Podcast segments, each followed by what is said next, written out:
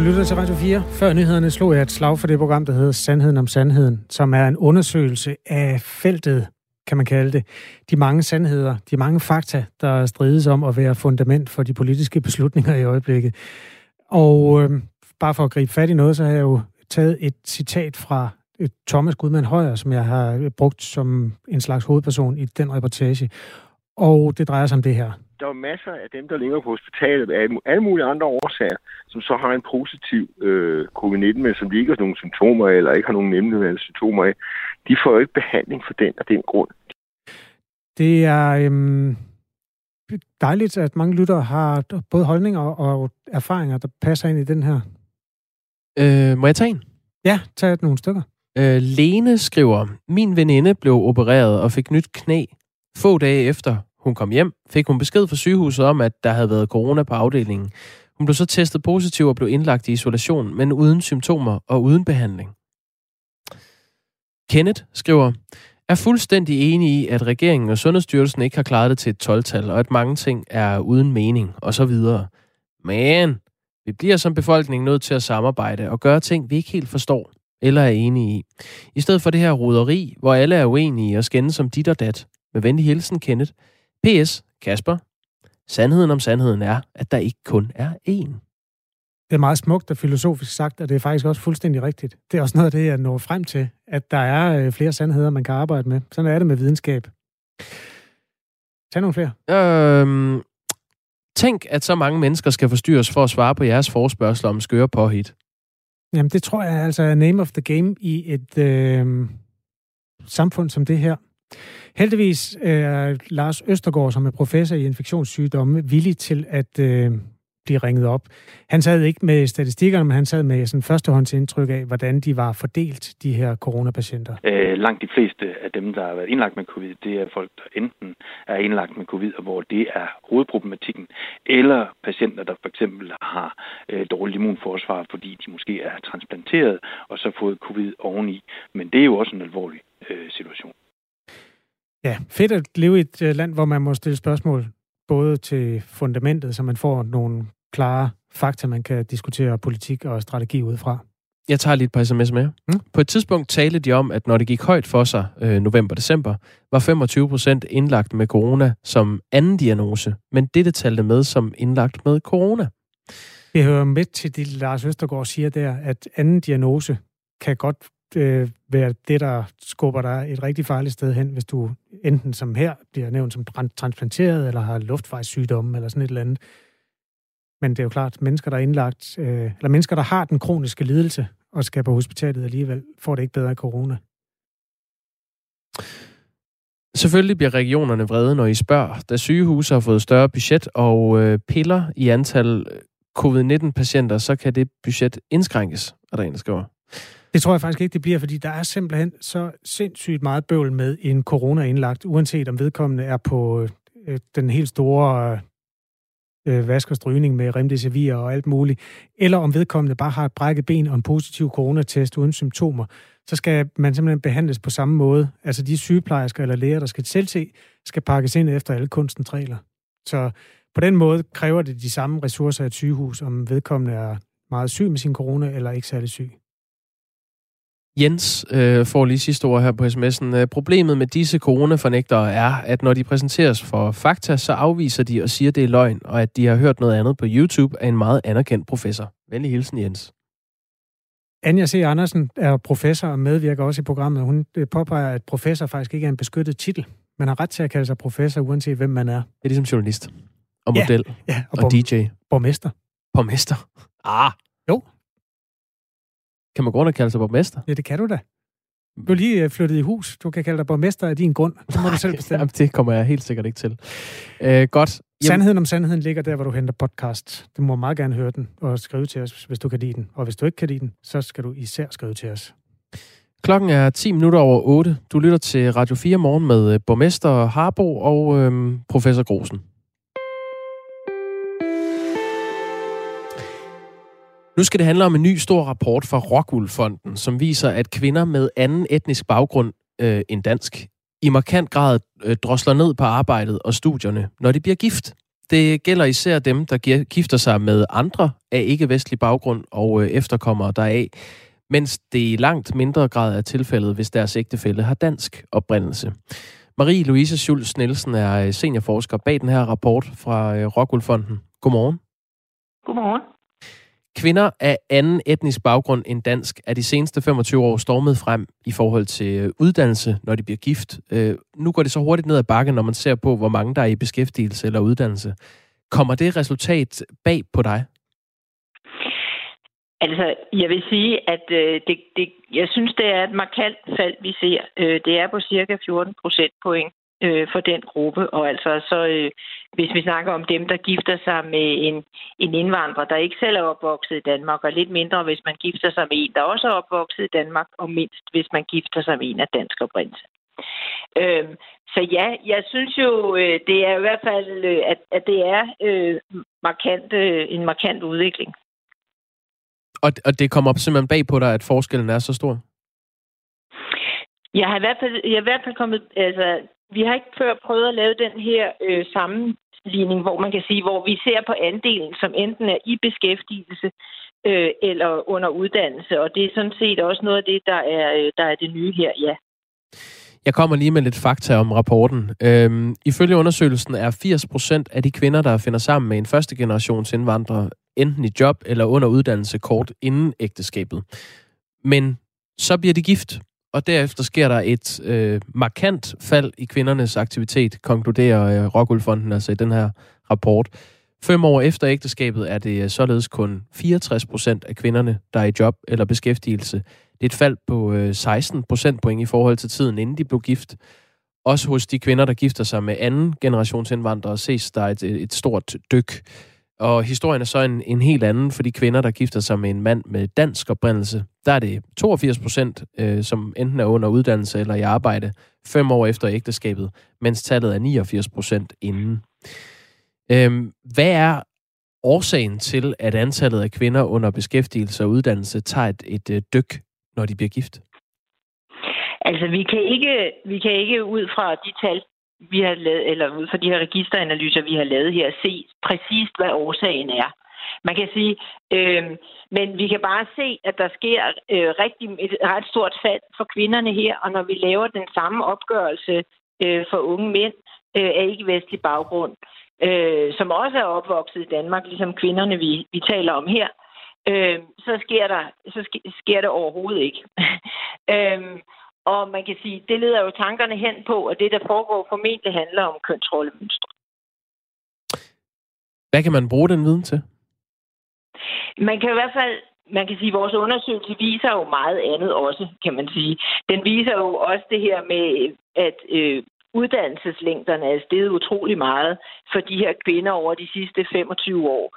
Øhm, og øh, på den måde kan man sige, at det flytter måske fokus lidt fra, at man kan sige, hvor man tidligere øh, har skulle være optaget af, om man øh, fik mere uddannelse end øh, grundskole, øh, hvilket øh, halvdelen ikke gjorde tilbage øh, øh, for 25 år siden, så er det nok nu mere et spørgsmål om, øh, om de her øh, kvinder får, øh, et, altså får et fodfæste ind på arbejdsmarkedet, når de, øh, når de bliver gifter for børn. Ja, øh, vores lytter Jon skriver, er det ikke fordi disse kvinder får mange børn, og således er på barsel i mange år? Det er ikke fordi, at, at man får, øh, at det er ikke fordi, at andelen af børn i gruppen er sådan meget højere end, end øh, det, det, øh, du ellers øh, har, hvad en dansk familie vil få af børn. Så, så det er ikke fordi, det er markant anderledes der. Øh, det er det ikke. Så det er ikke derfor? Nej, det kan, det kan, jeg, ikke, det kan jeg ikke forklare forskellen. Øhm, men man kan sige, der kan jo være nogle omstændigheder omkring det her med at have små børn. Det er jo, kan man sige, i Norden, øh, i Danmark og Norden er jo lidt specialister i også, kan man sige, at øh, mødre med helt små børn også kommer hurtigt ud på arbejdsmarkedet igen. Øh, hvad man ikke ser så mange andre steder hen i verden. Så det kunne jo være sådan en reminiscens måske øh, fra, øh, fra øh, forældrenes hjemlande, kan man sige. Tak skal du have, Marie-Louise Schulz Nielsen. Selv tak. Altså øh, seniorforsker, som øh, står bag den her rapport fra Rockwool Fonden. En af dem, der ved noget om, hvordan eller hvorfor anden etnisk øh, baggrund end dansk betyder, at man trækker sig fra arbejdsmarkedet, når de bliver gift. Det er Kefo Abu Ras, der er forkvinde for den forening, der hedder Søstre mod vold og kontrol. Godmorgen. Godmorgen. Hvorfor? I bund og grund handler det om, at nogle af disse kvinder lever et miljø med et meget traditionelt kønsrollesmønster, som er sammenlignet med det, man så i Danmark i 50'erne.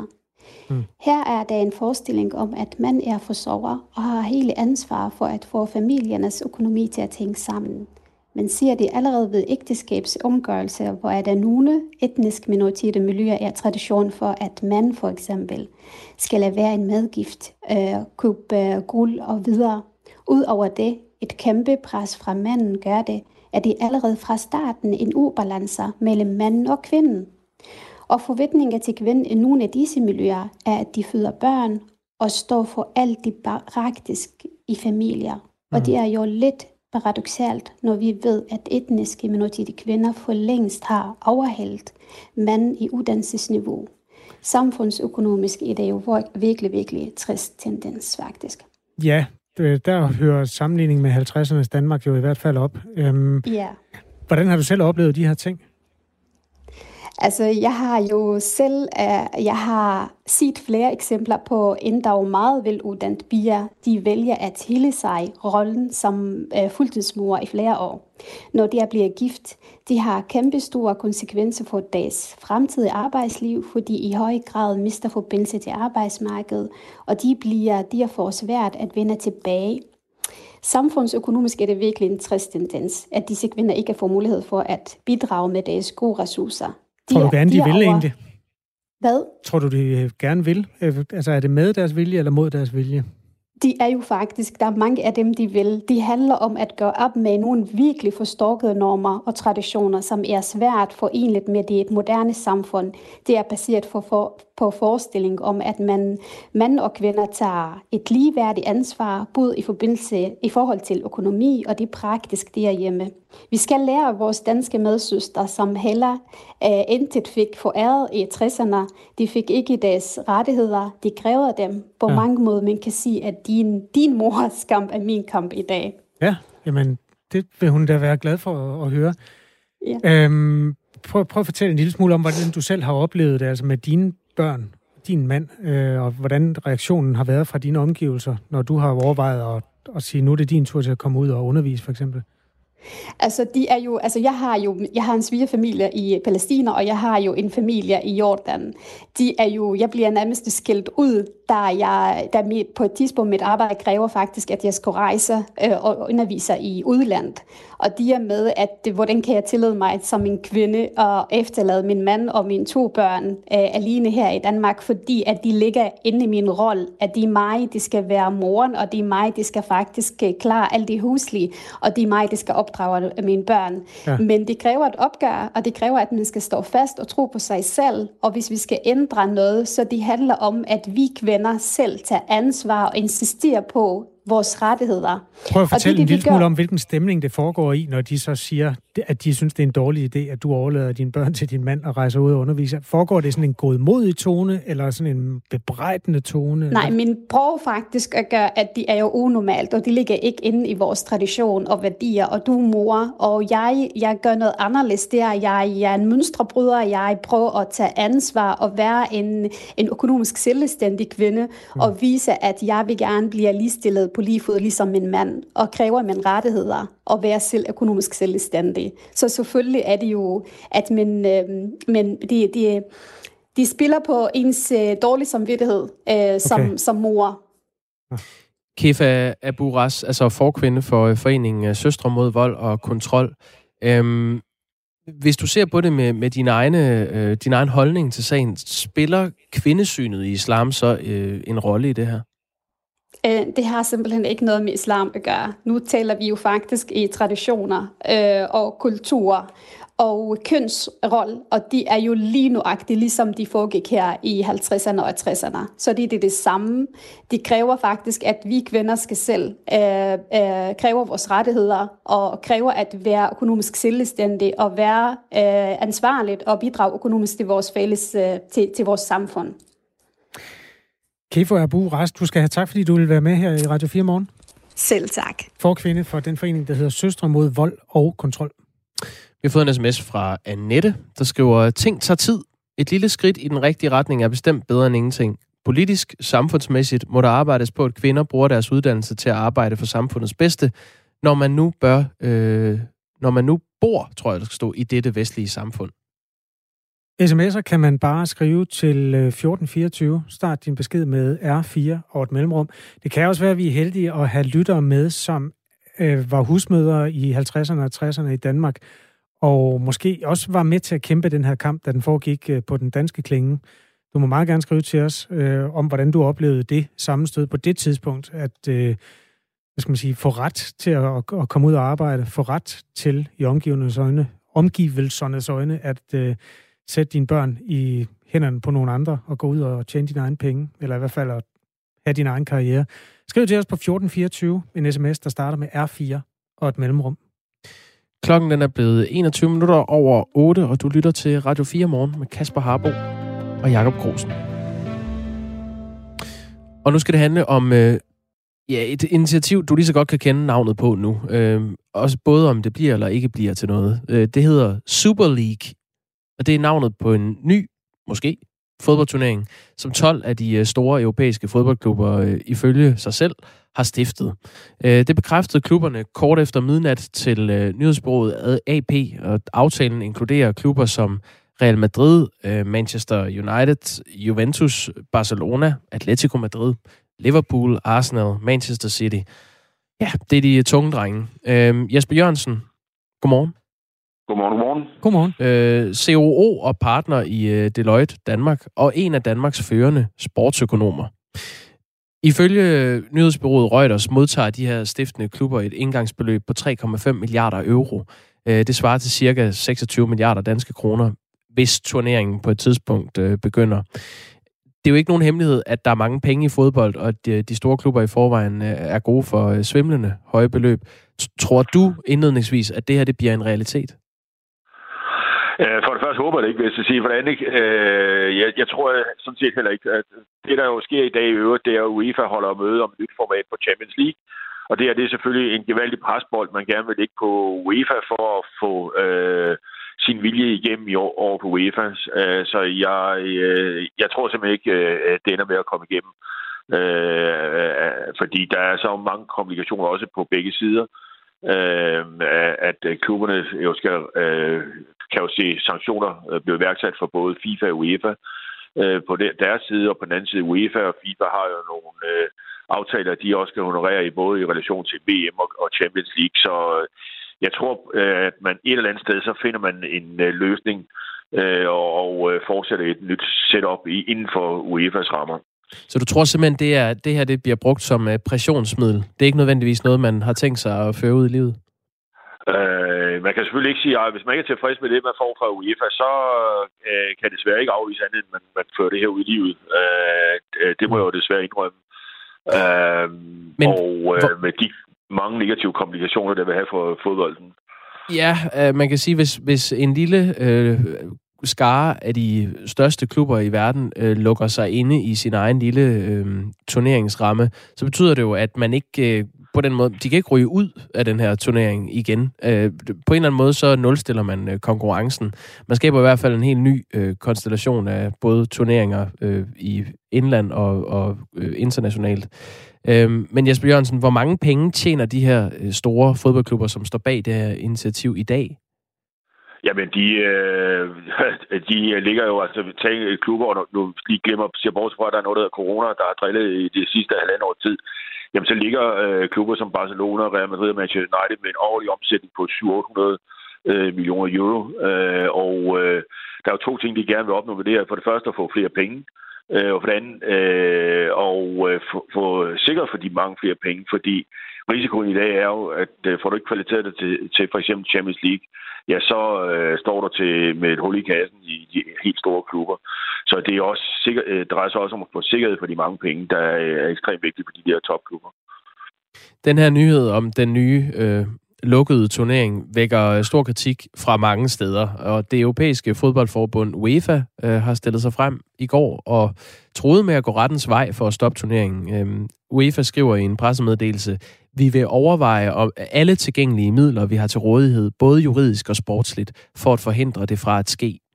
Og øh, de skriver i samme meddelelse, at spillere fra klubber i en eventuel Super League vil være udelukket fra at deltage på deres respektive landshold, ligesom klubberne vil være udelukket fra de nationale turneringer, som øh, det kunne være Premier League i England, hvor seks af klubberne øh, har hjemme, som det er i dag, og La Liga i, øh, i Spanien. Øh, der er jo tale om, at de her klubber hvert år vil være sikret et stort milliardbeløb for blot at deltage i den her Super League. Øh, det er væsentligt mere, end man i dag tjener på at vinde Champions League. Hvor skal de penge egentlig komme fra? Jamen, der altså, det, det bliver helt sikkert igennem øh, lukrative øh, sponsoraftaler og meget store globale tv-aftaler, der skal sikre de penge her. Det, er, det, det er helt sikkert.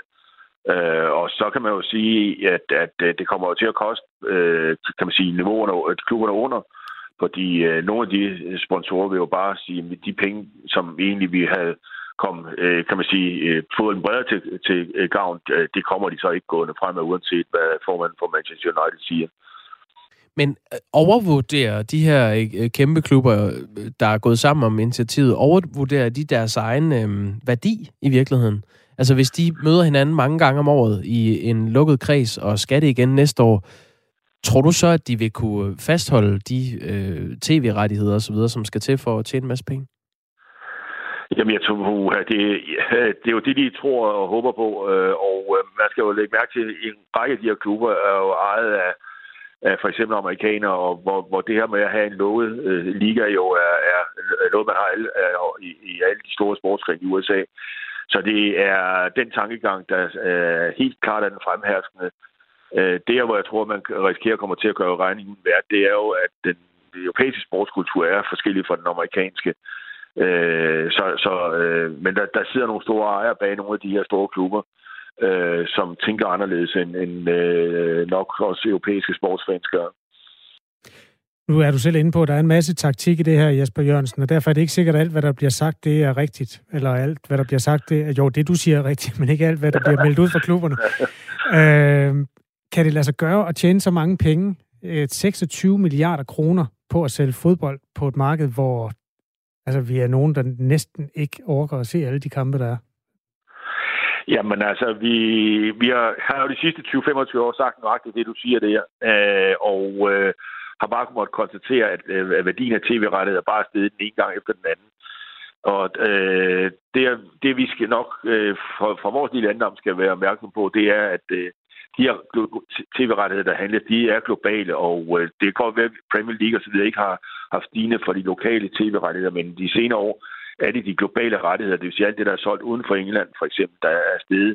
Og der er jo et kæmpe marked, øh, når vi ser på, kan vi sige, samfunds- og den økonomiske udvikling i en lang, lang række øh, lande med, med rigtig mange øh, mennesker. Så, så øh, man kan sige, at, øh, at, at den kilde er slet ikke udtømt endnu. Og det er den, man prøver at vride øh, endnu mere. Hvordan, hvis man ser med øh, de danske briller, øh, hvordan vil det her så påvirke de, øh, de danske fodboldklubber? Bare her til sidst.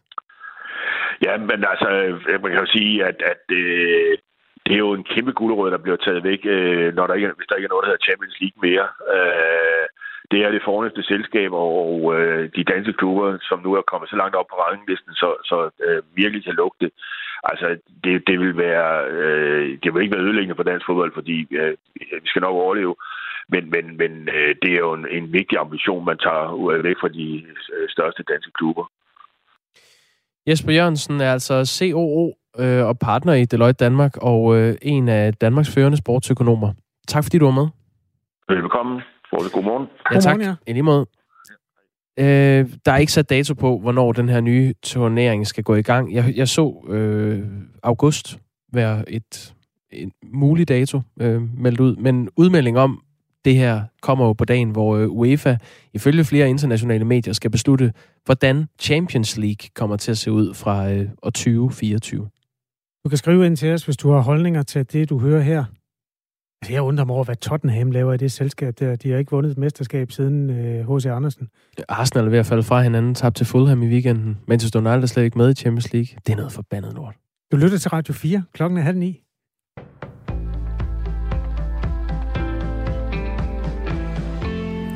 Fire millioner mink skal til maj graves op og sendes til destruktion. De ligger begravet på militære områder i Nør Fælling nær Holstebro og Kølve nær Karup. Det har tidligere været anslået, at det vil koste 80 millioner kroner at grave 4, 4 millioner døde mink op. Men nu vil Ministeriet for Fødevare og Landbrug og Fiskeri ifølge Jyllandsposten anmode om en budgetramme på 150 millioner kroner. Anmodningen vækker kritik fra blandt andet Venstre, der ikke vil godkende det såkaldte aktstykke, der er ministeriets anmodning til Finansudvalget om et ja til budgetrammen. Thomas Danielsen fra Venstre, der er næstformand i Finansudvalget og medlem af Miljø- og Fødevareudvalget, mener, at anmodningen er et udtryk for, at det bliver langt dyrere end antaget at grave dyrene op. Da den potentielle miljørisiko blev et tema, besluttede regeringen at grave mængden op, men at vente seks måneder med opgaven. Men ved at vente er det til synligheden blevet en endnu større opgave, siger Thomas Danielsen til Jyllandsposten. Han vil kalde Fødevareminister Rasmus Prehn i samrådet om sagen. Fødevarestyrelsen afviser over for avisen, at en højere budgetramme er udtryk for, at det nødvendigvis bliver dyrere at løse opgaven. Når vi søger om en budgetramme på 150 millioner kroner, handler det om, at vi står over for en opgave, som vi aldrig tidligere har løst. Det kan stadig være, der kan stadig være ubekendte, siger direktør Nikolaj Veje til, fra Fødevarestyrelsen til mediet. Anmodningen om en højere budgetramme er ifølge direktøren alene udtryk for, at man vil tage højde for eventuelle udgifter, som ikke har været forudset. Han mener, at risikoen for, at man skal bruge det samlede beløb, er tæt på usandsynligt. Det skal være billigere at investere, hvis man investerer i danske iværksættere, og så skal man kunne sætte flere penge ind på sin aktiesparekonto. Det mener Venstre, der i dag kommer med en række nye forslag, der skal understøtte danske startups og investorer. Klimaoverfører for Venstre og iværksætter Tom Jalers mener, at danske virksomheder og startups alt for ofte ender i udlandet, når de skal rejse penge. Når man kigger sådan helt over det på danske iværksættere, så har de for svært ved at rejse penge. Der er ikke nok risikovillig kapital til stedet i det danske samfund. Og øh, det gør så, at andre lande, hvis bare skal kigge tæt på Sverige, så klarer iværksætterne sig bedre der, fordi de har mere adgang til risikovillig kapital. Og især investeringer i forskning og iværksættere skal belønnes. Og så hvad skal den gøre, øh, så, sådan, så for at dem, der investerer rigtig meget i forskning og iværksætterne, de får en lidt øget skattekredit. Sådan sagde Tommy Ahlers altså. Og sidste år bød ifølge mediet Finans på den største tilvækst i private investorer i årvis, og stigningen er accelereret ind i det nuværende år. 80.000 oprettede en aktiesparekonto i 2020, og samlet har 130.000 danskere nu sådan en konto. Man kan oprette en aktiesparekonto per person og få nuværende indskyde op til 100.000 kroner. Pengene kan investeres i børsnoterede aktier og investeringsbeviser. En voldsom skovbrand raserer lige nu den sydafrikanske by Cape Towns vartegn Tafelbjerget. Branden har blandt andet spredt sig til universitetet i Cape Town, UCT. Her har flammerne fortæret flere bygninger samt et bibliotek med sjældne bøger og brændt Sydafrikas ældste vindmølle ned. Det skriver nyhedsbyrået DPA. Mere end halvdelen af alle voksne i USA har modtaget et stik med en vaccine med coronavirus. Det viser tal fra USA's Center for Sygdomskontrol og Forebyggelse, CDC. Siden USA rullede vaccinen ud for fire måneder siden, har 130 millioner amerikanere over 18 år således modtaget den første vaccinedosis. Næsten en tredjedel af de voksne har modtaget begge vaccinestik og er dermed fuldt vaccineret.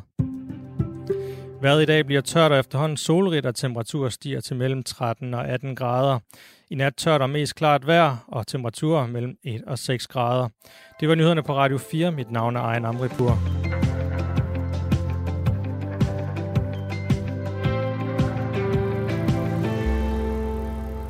Hvis du lige er vågnet, så er du en øh, heldig kartoffel, og øh, godmorgen til dig. Øh, du er stået op til en, en ret smuk dag. Det er godt nok en mandag, men øh, det skal nok gå alt sammen den 19. april. I dag har vi øh, Kasper Arbo og Jakob Brosen i det her studie. Godmorgen. Og 19. april bliver det 19 grader. Er det tilfældigt? Det tror jeg sørme ikke, det er. Nej. Så den 30. april på Facebook. bliver det 30. Det, det kan vi håbe på. Det bliver i hvert fald dejligt, dejligt, dejligt hver dag. Så øh, velkommen til en dag, som vi godt kan være tilfredse med. Der er øh, tre gode skud tilbage sådan i historie bøssen fra vores side.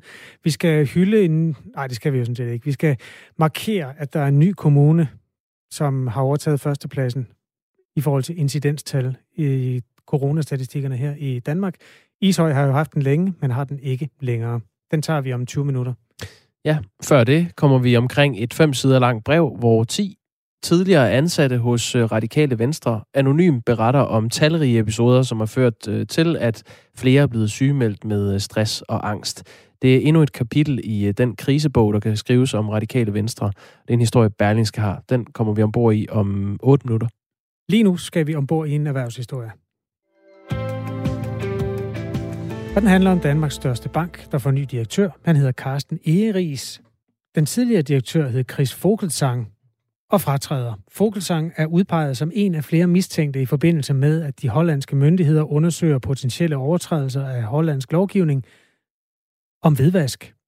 Lars Krull er seniorrådgiver ved Aalborg Universitet. Godmorgen. Godmorgen, godmorgen. Øh, er det kriminalitet, eller er det mistanke om kriminalitet? Eller hvor er vi henne på skalaen med det her, som du vurderer det? Jamen først og fremmest, så er det, mist- så er det en mistanke mod ABN Amro Bank og, og, de, og nogen, der, der er ansat der, eller var ansat i ABN Amro Bank. Og vi skal huske på, at hvad hedder det, det er ikke et, en mistanke om, at man har foretaget hvidvask. Det er en mistanke om, at man har ladet banken misbruge til hvidvask. Så det er ikke hvidvaskerne selv, øh, vi taler om her. Okay. Og Fogelsang har altså i, i sin karriere tidligere øh, trådt at de stiger der, men bliver fjernet øh, som øh, direktør i, Danske Bank nu, og altså erstattet af Carsten Egeris. Hvad betyder det for Danske Bank, at øh, altså, det er jo ikke et helt pletfrit foretagende i forvejen?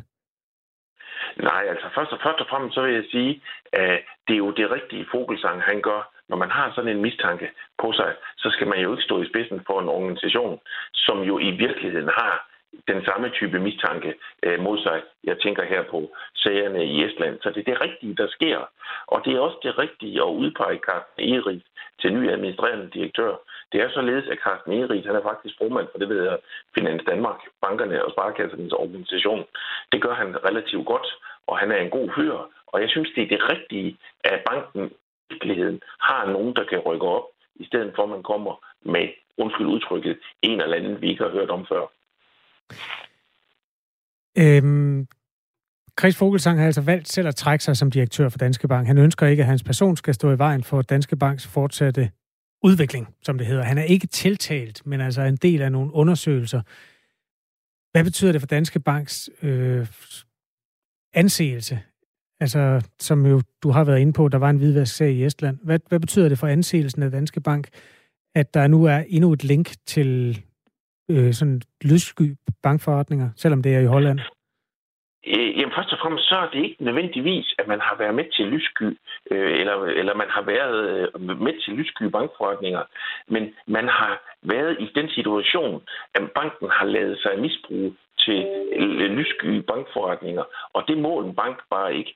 Og når vi taler om Danske Banks ansættelse, så, så kan vi sige, at den er jo, hvor den er, og den bliver i hvert fald ikke ringere af, af man, og nu siger jeg man, det er Fogelsang, og så ledelsen, at man agerer, fordi det, det, det var jo kendt, at Fogelsang kom fra ABN Amro Bank, da man ansatte ham. Øh, dygtig bankmand, øh, men, men det var jo ikke kendt, at de hollandske myndigheder ville finde noget, og det er jo ikke engang sikkert, øh, og det er jo meget sandsynligt, at den sit position, han var i ABN, ABN Amro Bank, der havde han ikke noget direkte med det her at gøre. Han er jo kun mistænkt og ikke tiltalt for noget som helst. Hvis vi så holder fast i, at det her det er rettidig omhu fra Danske Banks side, og der ikke kommer noget ud af øh, de der forskellige undersøgelser og anklager, så er det jo stadigvæk ubekvemt, når man skal have en ny, stor topleder øh, kørt ind. Øh, det er kun to år siden Fogelsang, han trådte til som ny direktør. Hvad betyder det i en butik af den størrelsesorden at skulle køre en ny direktør på plads? Jamen for det første, så kan vi jo sige, at jeg beskrev lige før, at Carsten Eris er jo sådan set en form for talsmand for alle banker, og dermed er han også, øh, hvad skal vi sige, klar til at gå ind som administrerende direktør. Men det er jo aldrig godt i en ledelse eller i vigtige organer, at der er nogen, der udskiftes uden varsel. Men, men det er en opgave, som banken skal kunne løse ved lad os kalde det, selvsuccession eller selvsublering internt, og der tager man Carsten Egeris. Men det er jo klart, at der er nogle ting, der skal gentænkes. Så det er et kontinuitetsbrud. Danske Bank har jo øh, øh, oplevet kursfald på sine aktier. Altså, banken er blevet, jeg kan ikke huske, hvor den er nu, men jeg ved, at den faldt til omkring det halve øh, værdien af aktierne hen over en periode, øh, hvor de dårlige sager raslede ud igennem skabslån. Hvad betyder så noget her for, for bankens aktionærer? Jamen først og fremmest, så vil jeg sige, at jeg er jo ikke aktieanalytiker, men for aktionærerne, der kan man sige, jamen de bør jo sætte sig ned nu og sige, det er godt, den, den bank, jeg har aktier i, gør det rigtige, og ikke tager chancen og har en mistænkt til at stå i spidsen. Tak skal du have, Lars Krull. Velkommen. Seniorrådgiver øh, tilknyttet Aalborg Universitet, som altså hjælper os med at analysere den øh, historie, som handler om Danmarks største bank, Danske Bank, som nu får ny direktør, Carsten Egeris, som erstatning altså for Chris Fogelsang, der fratræder efter, at han er, efter det står klart, at han er en del af en undersøgelse om mulig ja, forebygge, mis, hvad hedder det, forebyggelse, som ikke er lykkedes at forebygge af hvidvask i en bank, der hedder ABN AMRO i Holland. Om 19 minutter er klokken 9. Hmm. Heldigvis. Men vi har nogle øh, interessante historier tilbage, og øh, nu skal vi tale med Thomas øh, Søgaard Rode, som er journalist ved øh, Berlingske og dækker Christiansborg-stof. Vi kan lige sige godmorgen til dig, Thomas. Godmorgen. Godmorgen. Godmorgen. En række tidligere ansatte hos Radikale Venstre retter en øh, ret omfattende kritik af arbejdskulturen i øh, partiets centrale sekretariat på øh, Christiansborg. Og det sker i et fem sider langt brev, hvor 10 tidligere ansatte hos partiet anonymt beretter om talrige episoder, som har medført, at flere er blevet sygemeldt med stress og har fået angst. Og det, det skriver I i Berlingske. Du har dækket den her sag sammen med din kollega. De 10 tidligere ansatte skriver blandt andet, at de har været udsat for en konfliktskabende og grænseoverskridende ledelse i Radikale Venstre. Hvad er det øh, helt konkret, der er foregået hos øh, Radikale Venstre? Øh, jamen, hvis jeg lige skal starte fra begyndelsen, så, øh, så blev øh, i, i kølvandet på de øh, allerførste historier, der var om øh, seksuelle krænkelser hos, øh, hos partiet i efteråret, der blev vi øh, kontaktet af en tidligere medarbejder i partiet, som som vil gøre os opmærksom på, at, øh, at problemerne ikke udelukkende i hvert fald omhandlede om sexisme og krænkelser. Øh, det var en person, der fortalte os, at der også var øh, flere foranværende ansatte, som du lige har fortalt, der, øh, der havde oplevet et meget sådan, konfliktfyldt og øh, ubehageligt arbejdsmiljø øh, under deres ansættelse i partiets øh, sekretariat som sådan man kan beskrive som, øh, som deres øh, professionelle organisation på Christiansborg, hvor der arbejder øh, øh, ja, pressefolk og kommunikationsmedarbejdere og personlige assistenter for folketingspolitikerne. Mm. Øhm, og det, det, det beskriver de så i det her øh, fem sider lange brev, som, øh, som vi bringer øh, i dag. Øhm, og der kommer de med en hel masse konkrete eksempler på det, som de selv kalder øh, sådan grænseoverskridende og konfliktskabende øh, ledelse fra, fra, øh, fra partiets sag. Er det det indtryk, at det har stået øh, værre til, ifølge de her øh, tidligere ansatte i Radikale Venstre, end det gør i, i andre partier på Christiansborg?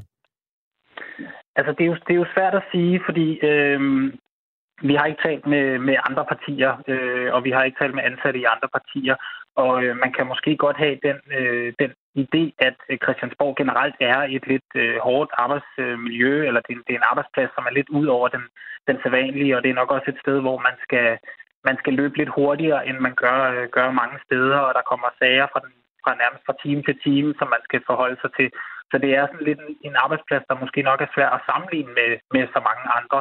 Øhm, og vi har jo, som, som, som jeg også sagde, ikke, ikke talt med, øh, med ansatte i andre partier om det her. Øhm, mm. Men når man taler med, med de her tidligere ansatte i, øh, i partiet, som har skrevet det her brev, så, så er der i hvert fald ingen tvivl om, at, at de har oplevet en, øh, en arbejdsplads, som, som ikke lyder, som ikke lyder som, øh, som særlig behageligt. Hvis man øh, sidder og hører det her interview og tænker, hmm, er det her nyt? Det har jeg jo læst om øh, på Ekstrabladets øh, side. Så kan man sige, jamen, øh, det er der ikke, øh, det er ikke helt forkert, øh, fordi Ekstrabladet for nylig kom i besiddelse af en tidligere version af det brev, som I øh, nu på Berlingske bringer i en endelig mm. version og i sin fulde længde. Øh, brevet har 10 medunderskrivere, som I kender identiteten på og har talt med. Enkeltvis øh, har de alle været ansat som menige medarbejdere i sekretariatet, og de repræsenterer et bredt udsnit af jobfunktioner. Og så beretter mm. de så om nogle oplevelser, som øh, strækker sig over en periode fra øh, midt i 2016 til øh, sidste år. Thomas Rode, de her 10 ansatte, der står bag det her brev, er anonyme. Hvorfor mm. vil de ikke stå frem med navn? Øh, jamen, det skyldes lidt øh, forskellige ting. Altså, det, der er ikke sådan, at øh, de har en, øh, en, en samlet øh, begrundelse, der har ført til det. Der er nogen, som siger, at øh, de er i et... Øh, ja, de er måske øh, jobsøgende, eller de er i et andet job, hvor de ikke har lyst til, at øh, det her skal blive en del af det. Øhm, og det, det fylder jo også meget sådan at, at stå frem øh, med, med sådan nogle historier her, som også er meget personlige for mange øh, vedkommende. Øhm, der er også nogen, der siger, at de ikke øh, har lyst til at stå frem, sådan, fordi at de føler, at, at partiet er mere optaget af, hvem de er som personer, øh, end selve problemet, øh, som de føler er i partiet. Så der er mange, der er mange grunde øh, til det. Men, men, og det, men og det er så også derfor, det har været det er en svær historie at fortælle, når nogen skal få lov til at komme med, med anonym kritik, som, øh, som vi så lægger frem. Øh, men derfor har det så også været vigtigt for os øh, i, i forbindelse med historien at få talt med dem, med dem alle sammen. Ja, nu nævner jeg de 10 medunderskriver på brevet, som er anonyme. Så er der så yderligere fem ansatte, i, øh, som er tidligere ansatte i Radikales mm. sekretariat på Christiansborg, som bakker op om budskabet, men som ikke vil skrive under. Øhm, hvis mm. man kigger på Radikales sekretariat i dag, så består det af 55 ansatte. Hvad er din øh, fornemmelse af, hvor udbredt den her kritik er i medarbejderstaben i dag? Jamen det er faktisk øh, det er lidt svært at sige, men man kan sige, øh, fordi det er jo nogle tidligere ansatte, der kommer med den her kritik, og de har jo det klare indtryk, at øh, det, var et, det var et meget stort problem, da de var ansat i partiet, og de mener i hvert fald også, at, øh, at, at den kulturændring, som, som de føler, der er behov for, den er der ikke sådan, den er ikke blevet, blevet taget endnu. Øh, vi har jo så fået et, øh, en skriftlig kommentar fra, fra ham, der er tillidsrepræsentant for de nuværende øh, medarbejdere. Og, og de siger, at de har holdt møde om det her brev, øh, medarbejderne iblandt, men de har ikke, øh, altså de kan ikke genkende det budskab, der tegnes i, i brevet. Så i hvert fald nogen i partiet er jo er noget uforstående over for, over, over for kritikken. Og så er det jo svært øh, at sige, for os, om, der er, øh, om det er fordi, at øh, dem, der har siddet til møde, ikke har haft lyst til at kritisere, øh, eller kritisere partiet, fordi de stadig arbejder der, øh, eller øh, at, at, øh, at de simpelthen bare ikke kan genkende kritikken, og den, er, og den, og den kommer meget bag på dem alle sammen. I har forelagt øh, ledelsen i Radikale Venstre den her kritik. Hvad siger mm. de? Jamen altså, vi har jo, vi har jo bedt om et uh, interview med uh, Sofie Karsten Nielsen, uh, politiske leder, og ham, der er chef i sekretariat, altså sekretariatschefen, der hedder Lars Bernd Nielsen, og så også landsformanden Svend Thorhauge.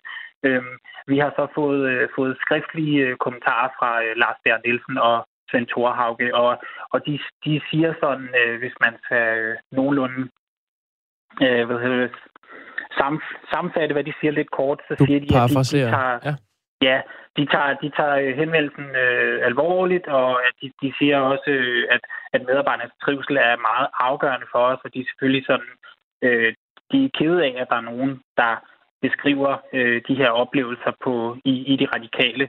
Øh, men de gør sig også opmærksom på, at der er blevet arbejdet meget med, med arbejdsmiljøet i partiet, og at de, de skriver også, at de kan se, at det er noget, der er blevet løftet markant øh, de, de seneste år. Hvad med Sofie Carsten Nielsen? Jamen, øh, hende har vi ikke, øh, hun har ikke øh, ønsket at stille op til et interview, og vi har heller ikke fået en, øh, en skriftlig kommentar fra hende. Øh, det øh, kan være, at vi, vi forsøger, forsøger os igen, men det har været en længere proces, og, øh, og, og de har ikke vendt tilbage i forhold til, øh, at vi kunne, kunne tale med hende. Thomas Søgaard Rode er altså journalist ved øh, Berlingske og har dækket øh, den her sag øh, indgående. Tak fordi du lige var med til at belyse den her i Radio 4 morgen. Jamen, det var skam så lidt. Ha' en god dag. Tak. I lige måde. I lige måde. Øh, hej. Hej. Hej. For en god ordens skyld har vi også her til morgen forsøgt at få en kommentar fra Radikale Venstre. Det har ikke været muligt. Den formulering har jeg sagt før her i radioen, kan jeg mærke på min mund, når jeg siger det. Øh, presseafdelingen henviser i stedet til de reaktioner, som Berlingske i dag har bragt. Samtidig fremhæver pressetjenesten, at radikale venstre vil følge op øh, på arbejdsmiljøet med arbejdsmiljøkonsulenter certificeret af Arbejdsmiljøtilsynet, og at partiet vil forsøge at få et møde i stand med de tidligere medarbejdere. 10 minutter i 9.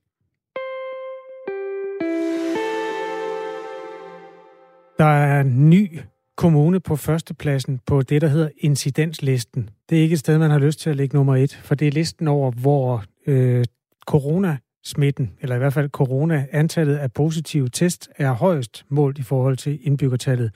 Og ny på førstepladsen, efter mange ugers ishøj dominans, er som en Hvidovre Kommune. Godmorgen, Helle M. Adelborg. Godmorgen. Hvordan har du det her til morgen? Ja, men altså, bortset fra, at jeg har en dreng, der bliver 23, og alt det her solen skinner, så har jeg det godt. Ja, tak for det. Så har jeg det godt nok, men, øh, men, men selvfølgelig, åh, når du lige riser op, så får man jo helt ondt i maven, og er bestemt ikke stolt over, at det er der, vi ligger som kommune. Hvidovre Kommune har et, et incidenstal på 258. Det der, hvor man på et tidspunkt havde sådan en smertegrænse, der hed 30, når man kiggede på andre lande. Så hvis den lå omkring 30, så kunne man rejse til, eller 30 eller derunder. Så 258 er stadig, selvom vi har styr på tingene nogenlunde i Danmark, så er det jo meget højt. Hvad er der sket i Hvidovre? Jamen, det er rigtig, rigtig svært at sige, fordi vi har jo rent faktisk ligget nede, og vi synes også, vi har haft godt styr på det. Så, så hvad der lige er, der gør det, det øh, har jeg selv sagt ingen fra forklaring på. Der tror jeg, man skal have fat i styrelsen, som jo alt andet lige ved mere bag om, om tallene. Vi, vi ved jo kun og hører kun om incidensen, og vi har i hvert fald været ude og opfordre, når vi kunne godt se, at den begyndte at stige, ude og opfordre folk til at lade sig teste, teste, teste. Fordi det jo stadigvæk møder borgere, som er raske, som ikke er syge, og som så viser sig at have en positiv øh, test. Altså, det er næsten det sværeste at vide, ikke? Ja. Øh, Helle M. Adelborg er altså socialdemokratisk borgmester i Hvidovre, som har overtaget førstepladsen på incidenslisten. I går modtog to borgere i det sovn, der hedder Avedøre Sogn, som er en del af Hvidovre Kommune, besked om, at skoler, fritidsklubber, kultur- og foreningsliv lukker på grund af for høje smittetal i første omgang syv dage, der er konstateret 65 nye smittede i det her sovn. Øhm, er der noget bud på, hvad der er gået galt lige præcis i Avedøre?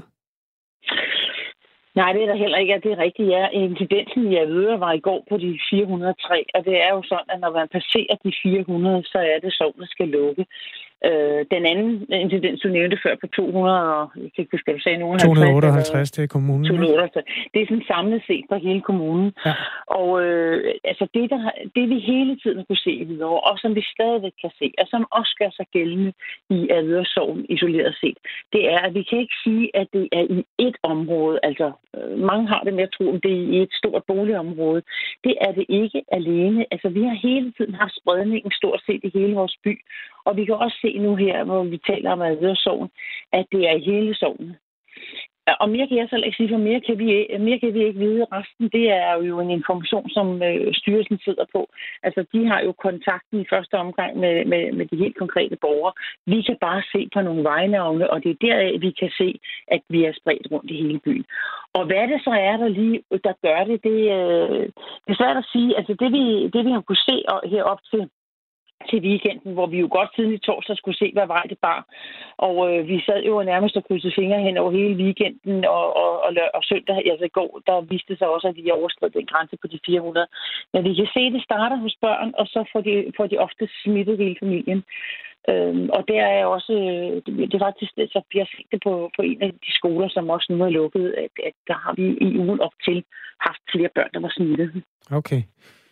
Øhm, Helle L. M. Helle M. Adelborg. Ej, du bare det der M over. Du må gerne kalde mig Helle. Og tak skal du have. Jeg kalder dig Helle Adelborg, så socialdemokrat. Er Når jeg interviewer folk om de her ting, så aner jeg altid et, det samme mønster. Når jeg taler med venstrefolk og konservative og andre borgerlige partier, så er de sådan meget ude på at øh, gøre op med det her sovende nedlukningskoncept, som ikke er en blomst, der åbenbart er groet i deres have. Nu er du jo socialdemokrat. Synes du, det er en, en fed mulighed, at man kan lukke et sovn ned på den måde? Nej, det synes jeg ikke. Altså lige præcis der, så vil jeg sige, hvis jeg, det, det er heller ikke født i min baghave. Altså, og så lige præcis her, jeg kan godt komme med masser af eksempler på, eller ikke masser, men jeg kan komme med eksempler på, og jeg synes, det er fair. Altså nu kan man sige, alt i sovnet uanset hvor stor sovnet så er, lukker jo ned. Og i det her tilfælde, der lukker jo ud over det, du nævnte, så lukker vores ungdomsskole ned, vores 10. klassecenter, vores øh, videre gymnasium, tech, vores øh, tech, tech øh, placeret i Hvidovre ligger ude ved Hvidovre Holme, som ligger på et, i et industriområde, som jo ikke lige nødvendigvis har kontakten ind til boligområdet. Øh, og der var en masse unge mennesker derude, som øh, blandt andet øh, er ved at uddanne sig til at blive mekanikere. Og jeg var lige derude med, med, med statsministeren i sidste uge, og de var så glade for at være kommet tilbage, og det der med at skal være mekaniker, ja, men man kan godt lære noget på nettet, men det der med at komme ud og få fingrene i motoren, det er altså bedre. Det kunne vi jo tydeligt se på dem. Jeg synes, det er så synd for dem, at de lukket, bliver lukket ned fra i dag af. Øh, og hvor jeg ikke synes, at det giver mening, fordi de tilfældigvis lige hører til i, i Adersår.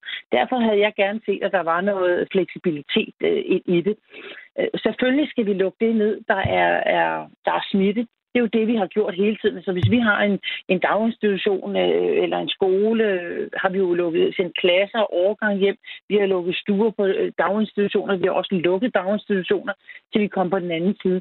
Og, og det er jo også det rum, vi selv har imellem. Det kan jeg ikke huske, om det er mellem en incidens på 100 og 200, eller om det er på 150 til 200. Men under 200 har vi jo selv, øh, eller lige omkring de 200, har vi jo selv muligheden for at agere. Når vi så kommer op på 400, så er det, at man lukker hele sovnet ned. Altså. Og, og, og nogen synes jo, det er en god idé, fordi det giver den her øh, differentiering sådan rundt i hele landet, man kan lukke ned, hvor, hvor smitten den er.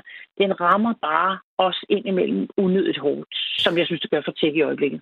Det lyder som om, du øh, synes, det er et øh, unødvendigt øh, tiltag, det her med at lukke sovnene ned. Øh, Helem Adelborg, du er socialdemokrat. Vil vi kunne gå ud bagefter, når vi har sendt her, så skrive en artikel, hvor du kritiserer regeringen for det her tiltag? Nej, jeg kritiserer ikke nogen. Men jeg synes bare, vi skulle snakke... Altså nu, nu kan man sige, nu har de indført det. Og jeg har også noteret mig, at der er flere partier af dem, der har været med i aftalen, som øh, har vil, vil rejse det. Altså nogle gange skal man prøve noget nyt, og vi, jeg tænker, at alle gør det bedste, man, man tror, og man tror på, at det her er den bedste løsning.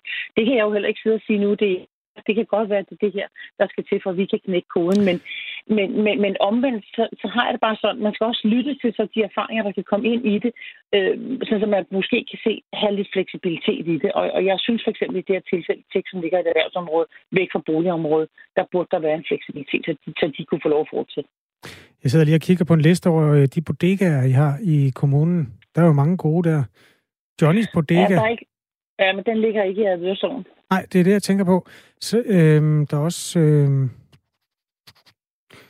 vi har øh, faktisk ikke ret meget... Øh, oh, det ser okay ud på den her oversigt. Ja. Onkels Pop. Men den, Jamen, den ligger heller ikke i, den ligger heller ikke i Adversson. Nej, det ved jeg godt. Det jeg bare vil sige, ja. det er, hvordan har du det som borgmester med, at du skal sende skoleelever hjem, og så samtidig så åbner bodegaerne? Oh, den tanke har jeg slet ikke tænkt. Men altså, altså jeg vil sige, at en, en kommune skal vi jo fagne øh, alle. Vi skal jo fagne lige fra de små til de ældste. Og, øh, og jeg vil rigtig gerne, at børnene kan passe deres skole.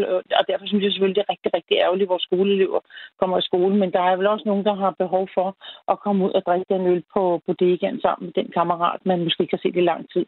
For, for ensomhed er også blevet en udfordring i, øh, i corona. Men, øh, vi arbejder på det. Vi sørger for test. Vi opfordrer vores borgere til at lade sig teste. Vi skal alle sammen være sammen om at stoppe den her smitte. Så det er min opfordring til vores borgere, det er at lade dig teste. Og så i øvrigt ellers øh, holde fast i de restriktioner, der nu engang øh, vi, vi alle sammen så godt kender. Men kunne man forestille sig øh, sådan at tænke i lokale konsekvenser for erhvervslivet også, når sådan noget her sker? Eller hvor går dine tanker hen? Altså, man åbner bodegaer og lukker skoler. Det, jeg ved godt, det er sat hårdt op, men det er jo det, der sker. Ja, det gør man så ikke, men, men altså, det, den, den, den, den synes jeg, den, lig, den ligger et andet sted, men, men selvfølgelig kan vi hele tiden finde noget op og mod hinanden. Altså, jeg synes, det er rigtig vigtigt, at vi, øh, vi får stoppet den smitte, eller får vaccineret, sådan, så vi alle sammen, vi trænger alle sammen til at komme til den der kendte hverdag igen. Men, men, men børnene, altså skolebørnene og også de unge, som øh, på gymnasier og erhvervsuddannelser og ungdomsskoler, dem har jeg, jeg har, jeg har særlig stor øh, følelse for de unge. Jeg synes, de har været hårdt ramt dem, som enten skulle have et sabbatår, eller skulle ud og arbejde, eller som lige var startet på første G og skulle lære nogle nye at kende. Jeg synes, de er hårdt ramt, altså. Og nu var der endelig solen under stjerne, til vi kunne komme igen. Og det er lige præcis alle dem, vi i hvert fald i Hvidovre bliver ramt af her ved Hvidovre altså ungdomsskole, 10. Center, ja. gymnasium og til. Og det, dem, har jeg, dem har jeg så store følelser for. Så kan det jo tage på, ja. det ikke er i hvert fald Ladelborg. Tak fordi du ja, var med det, her. Det, det, det, tror jeg så ikke lige den alder. Nej, det tror jeg, det tror jeg. Det har du nok ret i. Der er også noget hjemmeskole, der skal passes. Ja, og de er mere kede af, deres sport også lukker, ikke? Ja. Ja. Nå ja, det er et andet problem. Det når vi faktisk ikke engang at, at runde her, men tak for inputtet i hvert fald. Øhm, tak fordi ja. du var med her. Jeg håber, I får lidt styr på det. Og tak for det, Ja, tak for det. Helle Adelborg er socialdemokratisk borgmester i Hvidovre, som altså indtager førstepladsen, den lidet eftertragtede førsteplads på incidenslisten over danske kommuner i relation til kommunen øh, til smitte. Hvad hedder det? Positiv procenten. Det er det, det hedder. Vi er nået til vejs ende af Radio 4 morgen i dag. Vi to, øh, Kasper, er tilbage igen i morgen. Det kan du regne med. God dag. God dag.